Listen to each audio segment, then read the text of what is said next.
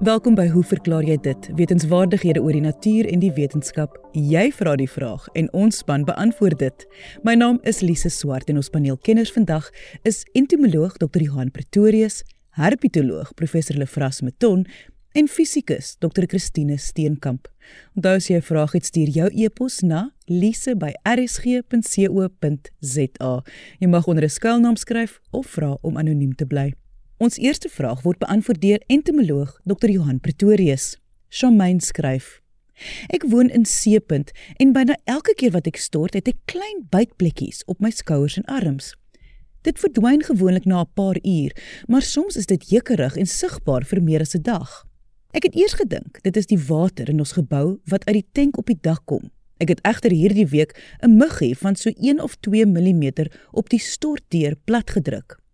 Ek was verbaas om te sien wat lyk soos 'n klein bloedsakkie onder sy mond en toe kom verder druk, lyk dit of dit inderdaad bloed was in hierdie sakkie. Weet jy wat hierdie muggie dalk mag wees? En 2, hoe raak ek ontslaaf van sy familie en moontlik sy ongebore afkoms? Dag sien Lise, kollegas en luisteraars. Shamain, ek kan begin deur te noem dat die vliegie wat jy afgeneem het nie verantwoordelik is vir jou bytplekke nie. Vir die eenvoudige rede dat hierdie spesifieke vlees se monddele nie mens en diervel kan penetreer nie en hul voet ook nie op bloed nie. Hierdie vlieg is een van die sogenaamde asynvliegies. Dis nou daardie vliee in die familie Drosophilidae Meer spesifiek wil dit my voorkom asof hierdie vliegie tot die genus Drosophila behoort, 'n groep wat uit so 1500 benaamde spesies of soorte bestaan.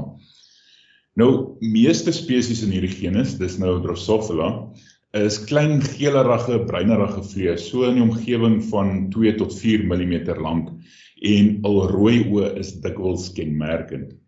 As jy meen dit is dan ook hierdie rooi oë wat die sogenaamde bloed verklaar wat jy gesien het toe jy die insek plat gedruk het. Dit is eintlik die pigment wat verantwoordelik is vir die rooi kleur van hierdie insek se oë en glad nie bloed nie. Dalk lees ek kan ek net so 'n paar goed oor asynvliegies sê terwyl ons op die onderwerp is. Met 'n handjie vol uitsonderings is asynvliee meer van 'n lastigheid as wat 'n landbou landboupla is. Hierdie vlee is die klein irriterende muggie-agtige goed wat so stadig rondom jou bier of wynglas vlieg en baie keer daarin beland of wat so swerm om jou oorryk vrugte en groente in die kombuis. En dit is omdat die reuk van verrottende vrugte, alkohol en asyn sommige spesies aanlok veral daardie soorte wat nou met die mens ge geassosieer word en waar die larwes op giste en bakterieë van die fermentasieproses voed. So hierdie vlee is nie verantwoordelik vir die verrotting van vrugte en groente nie, maar al word deur die reuke aangelok.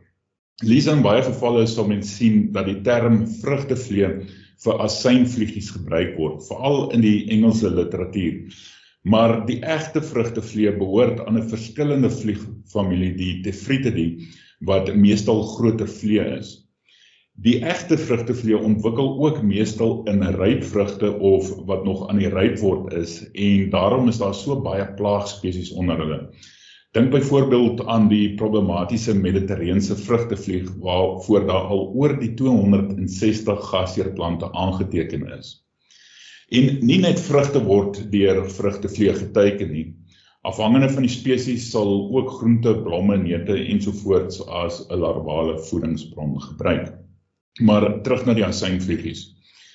Sonder twyfel een van die mees bestudeerde en bekende organismes ter wêreld is 'n soort asynvliegie, die gewone asynvlieg of Drosophila melanogaster, soos hy in die wetenskap bekend staan en wat ons kan vertaal na liefhebber van dou met 'n swart maag. Lise Baanbrekers werk op hierdie vlieg het al vir nie minder nie as 6 Nobelpryse gesorg in verskeie navorsingsvelde. Vir oor die 100 jaar is hierdie vliegspesie 'n kritiese komponent in eksperimente en navorsing waar dit as as 'n modelorganisme gebruik word en wat ons baie geleer het oor kromosome en die manier hoe sekere eienskappe geneties oorgedra word na die volgende geslagte, asook hoe mutasies vorm. Geneties is dit die mees bestudeerde eukarioot op aarde. En deur uit te pleis hoe genetiese transkripsie en replikasie in hierdie vlee plaasvind, verstaan ons ook hoe dit by ander eukariote soos die mens werk. Hierdie asynvliegie het onder andere 'n kort lewensiklus, produseer baie nageslag, is maklik om aan te hou en te versorg in laboratoriums en het slegs 4 pare groot ehm um, kromosome wat dit geskik maak vir hierdie tipe van navorsing.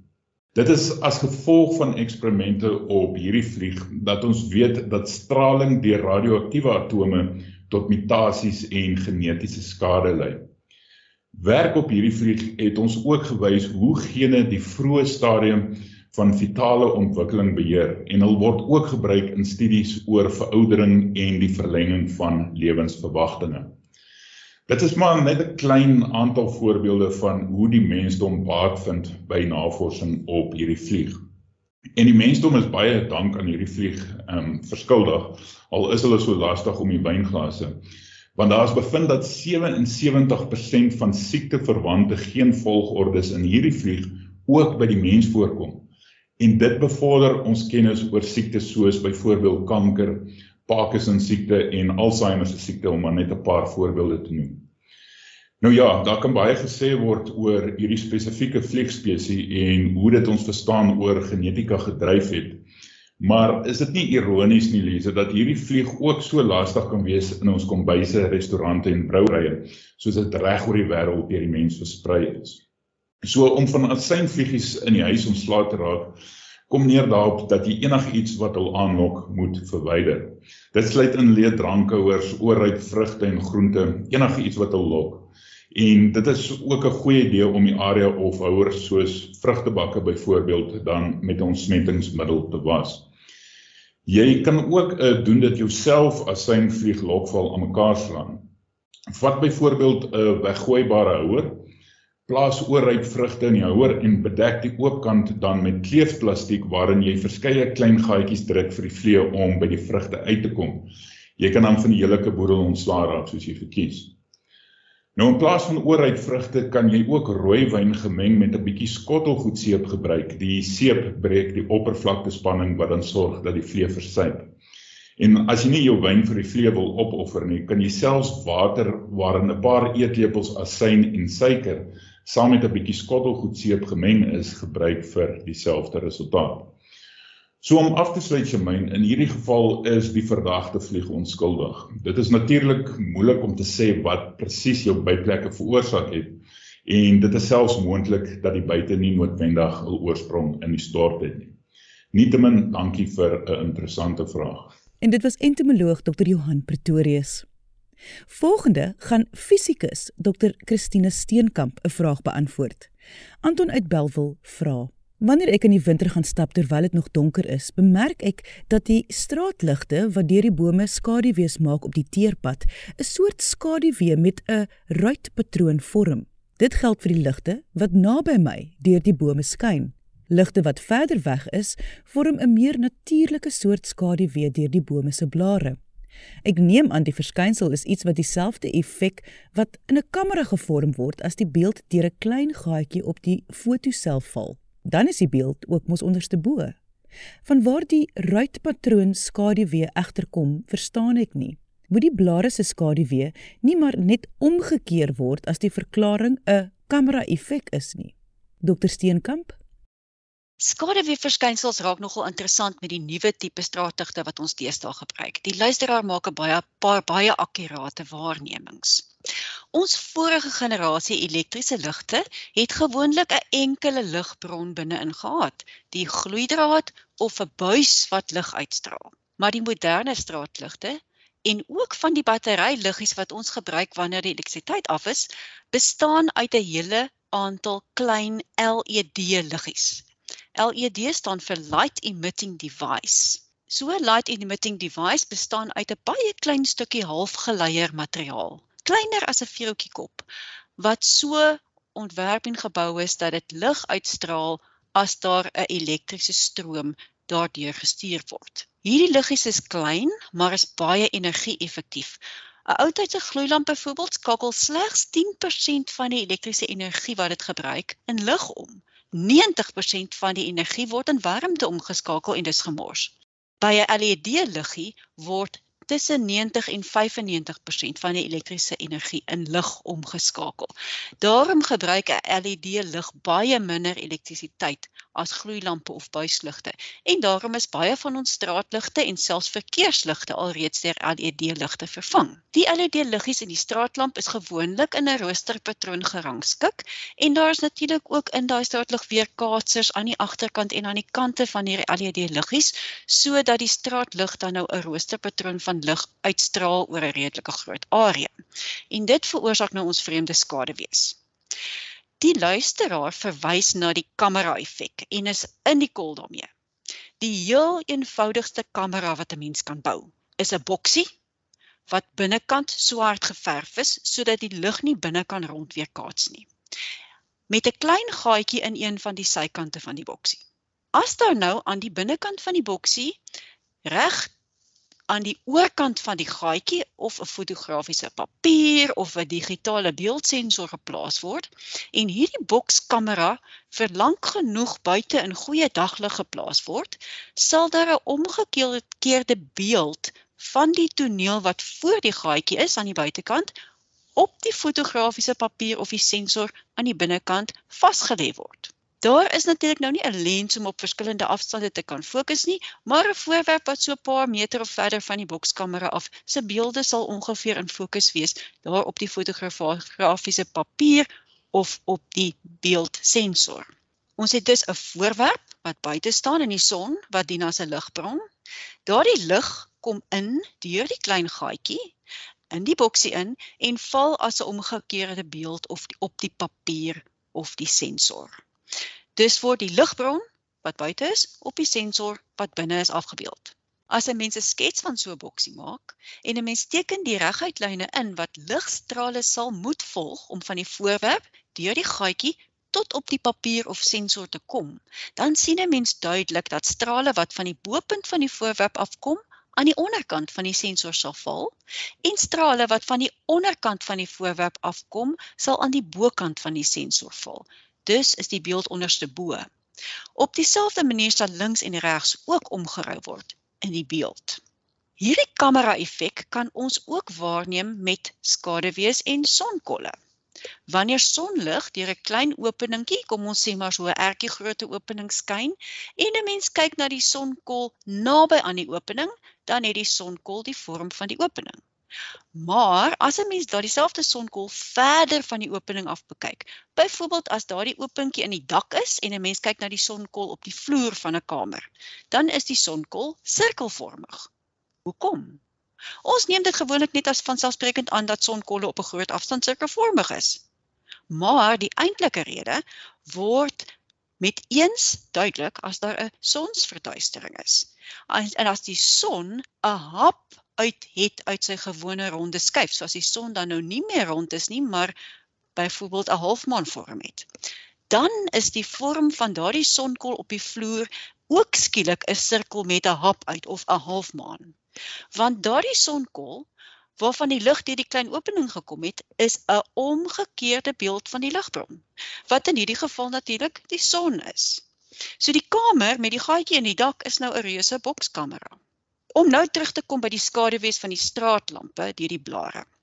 As 'n mens in die aand kyk na 'n area op die pad waarop die straatlamp wat uit sulke LED liggies bestaan, deur blare skyn en die blare maak skaduwees, dan vorm dit regtig nogal komplekse skaduwees met hierdie roosterpatrone in. Omdat daar tussen die blare klein openinge is waardeur die straatlamp se lig deurkom, kan hierdie kamera-effek nou weer plaasvind. Die straatlamp met sy ruitpatroon van liggies dien as 'n ligbron en as gevolg van die klein opening tussen die blare word 'n omgekeerde beeld van die ligbron op die pad gevorm. En daardie beeld het natuurlik nou dieselfde ruitpatroon as die liggies in die lamp. Wat ons dus nou sien, as daar net een opening was, sou ons 'n mooi ruitpatroon in die skaduwee gesien het en daardie ruitpatroon sou die omgekeerde beeld gewees het van die ligpatroon wat die straatlamp uitstraal. Natuurlik raak hierdie patrone in die werklike lewe nou regtig kompleks en sommer dit lyk sommer die mekaar. Want daar's natuurlik 'n komplekse rangskikking van blare op verskillende afstande van die straatlig af. En daar's verskeie openinge waardeur lig kom en daar's nou ook binne in die straatlamp is daar nie net die liggies nie, daar's ook reflektore wat die lig in effens verskillende hoeke stuur en dus alles saam maak komplekse roosterpatrone binne in die skaduwee van die blare. En boonop blyk die skaduwee se rande ook nog dof en vreemd omdat elke LED liggie van 'n effens ander hoek af skyn en elke blaar dis eintlik verskeie skaduwees gooi wat gedeeltelik met mekaar oorvleuel. Wanneer die straatlamp 'n bietjie verder weg is, dan sien 'n mens nou nie meer die komplekse ruitpatrone in die skaduwees nie. Dit is eintlik maklik om hierdie effek tuis na te maak as mens 'n battery lig of 'n flits het wat met wat meer as een LED liggie in het.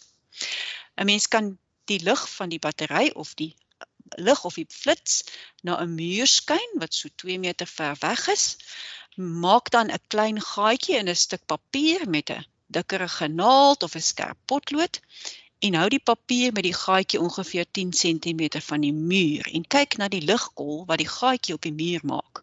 Beweeg die gaatjie 'n bietjie verder en bietjie nader totdat die ligpatroon van die LED liggies sigbaar is.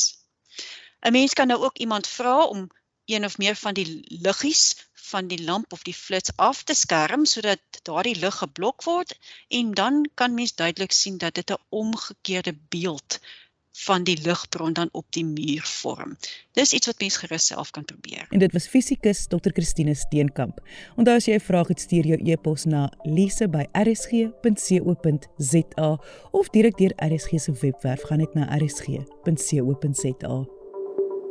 Ons het 'n vraag van Hester Kombrink gekry. Sy skryf: "Ek het eendag in 'n natuurprogram op televisie 'n besondere groot akedus gesien wat in die see sy kos soek. Ek wil graag weet of hy ook onder die grootste akedusse van die wêreld en dan ook wat daartoe aanleiding gegee het dat hy in die see begin kos soek het." Hester se vraag word deur herpetoloog professor Lefras Meton beantwoord. Hester, sover my kennis strek, is die enigste akedus wat in die see vir kos soek die marine iguana van die Galapagos eilandgroep in die Stille Oseaan. Dit is so so wat 900 km wes van die Suid-Amerikaanse vasteland reg oor Ecuador. Die eilandgroep het natuurlik ook groot bekendheid verwerf na die besoek van Charles Darwin dit is mos nou die vader van die evolusie teorie. Ek dink dit was hier 1835 rond wat hy die uh, eilande besoek het. Die marine iguana tel beslis onder die wêreld se grootste uh, lewende of resente akedisse. Ek het in 'n vorige program genoem dat die eerste 7 posisies op die lys van groot akedisse deur likewane bekleed word. Die volgende 3 plekke behoort egter aan die iguanas met die marine iguana dan in die 10de posisie. Nou iguanas is is die lede uh, van die akedus familie Iguanidae. Die marine iguana varieer in totale lengte uh, die kleintjies, uh, die babatjies so 30 cm en dan die volwassenes uh om en by 1.4 meter. Een sê maar nou maar 1 en 'n half meter. Met en dit is baie interessant die individue op die groter eilande word gewoonlik groter as die uh individue op die kleiner eilande kleiner eilande. En dan is daar nog 'n ander kinkel in die kabel uh wat ek nou nou uh iets oor sal sê. Hierdie akedus is aangepas om in die see te voed. Sy stert is afgeplat en met die bene en die stert dan nou so te, of die bene teen die liggaam gedruk en met sywaartse kronkelbewegings van die liggaam aan die stert kan hy baie goed swem en duik. Sy stapelvoedsel is rooi en groen alge en uh met sy stomp snoet en skerp tande kan hy baie effektief die alge van die rotse afbyt. Nou sy afhanklikheid van alge as stapelvoedsel maak hom nou egter baie kwesbaar vir klimaatsverskynsels wat die beskikbaarheid van alge beïnvloed, soos byvoorbeeld uh, El Niño gebeurtenisse wat see temperature beïnvloed. Warmer water lei tot die verdwyning van die groen en rooi alge terwyl die hoeveelheid bruin alge uh toeneem. Nou die bruin alge word moeilik deur die akedisse verteer en dit kan selfs toksies vir hulle wees. As gevolg van uithongering tydens hierdie El Niño uh, uh gebeurtenisse kan tot 90% van die akedisse op 'n op 'n eiland vrek. Tog het die akedisse 'n manier gevind om hul kans op oorlewing tydens voedselskaarste 'n bietjie te vergroot. Hulle krimp en ek bedoel nou nie dat hulle 'n kleiner word, 'n maarder word nie, hulle word korter. Hulle kan tot 20% korter word.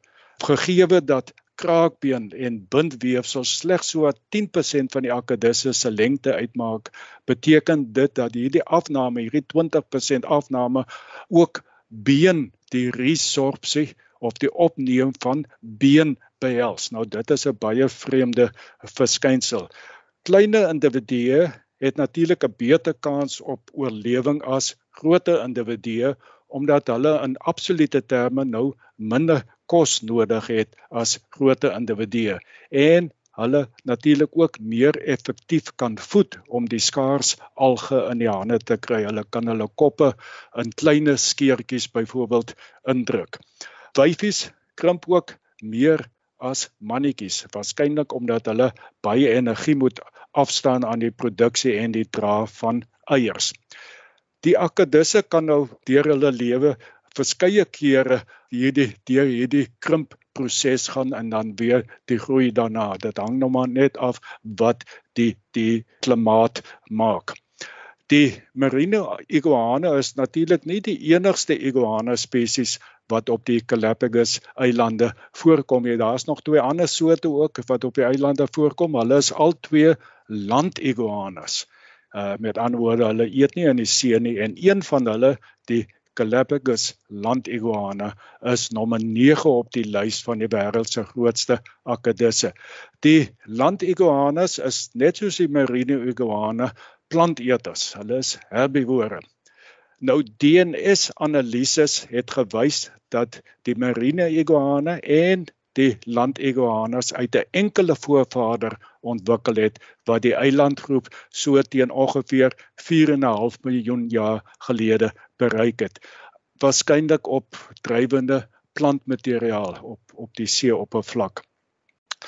Die voorvader sou een van die stekelstert iguanas van die genus Tyrannosaurus gewees het. Nou van die lede van hierdie genus is oor 'n meter lank en die meeste is ook omnivore wat dan ook baie plantmateriaal in hulle dieet insluit. So 'n mens kan dus seker aanvaar dat die voorvader van die Galapagos eilande, die voorvader wat ja, die Galapagos eilande bereik het, relatief groot was en ook grootliks 'n herbivore was. Tans bestaan die eilandgroep uit 18 hoofeilande vier kleiner eilande en dan 'n magdom geïsoleerde groepe rotse wat bo die water uitsteek.